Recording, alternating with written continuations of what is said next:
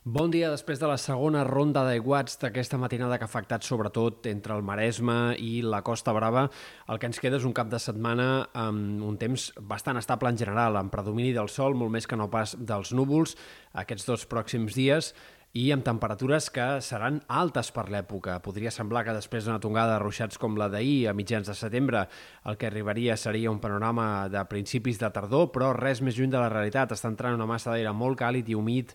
que farà que avui les màximes es disparin per sobre dels 30 graus en diferents comarques i que entre demà i dilluns hi hagi alguns valors molt pròxims als 35 graus a Ponent, eh, diumenge i fins i tot de cara a dilluns en alguns punts de comarques de Girona a causa del vent de Garbí. Per tant, situació de calor intensa a mitjans de setembre la que tindrem aquest cap de setmana. Això sí, no durarà gaire. Aquesta massa d'aire càlid s'allunyarà ràpidament a l'inici de la setmana que ve i a mitjans de la setmana vinent, a partir de dimecres, ja tindrem temperatures bastant normalitzades, molt similars a les dels últims dies o fins i tot una mica més baixes. I compte interessant això també a llarg termini a punt eh, de cara al cap de setmana de Santa Tecla i de la Mercè, doncs sembla que els models es van decantant cap a una entrada d'aire fred més significativa, que faria baixar les temperatures de cara a aquest cap de setmana següent eh, fins a valors similars als que vam tenir, per exemple, a finals d'agost. Per tant, tot i que encara falten 7 dies per això, sembla que la balança es va decantant eh, cap a aquesta direcció i cap a aquesta possible baixada de la temperatura durant el pròxim cap de setmana.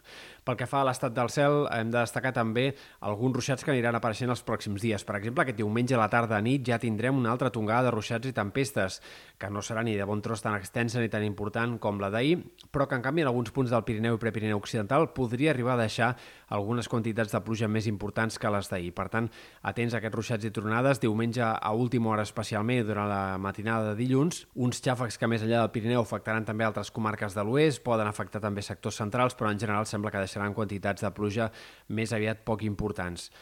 Eh, no és descartable que en altres moments de la setmana que ve tinguem alguna altra tongada de ruixats. La previsió no és del tot clara, però no sembla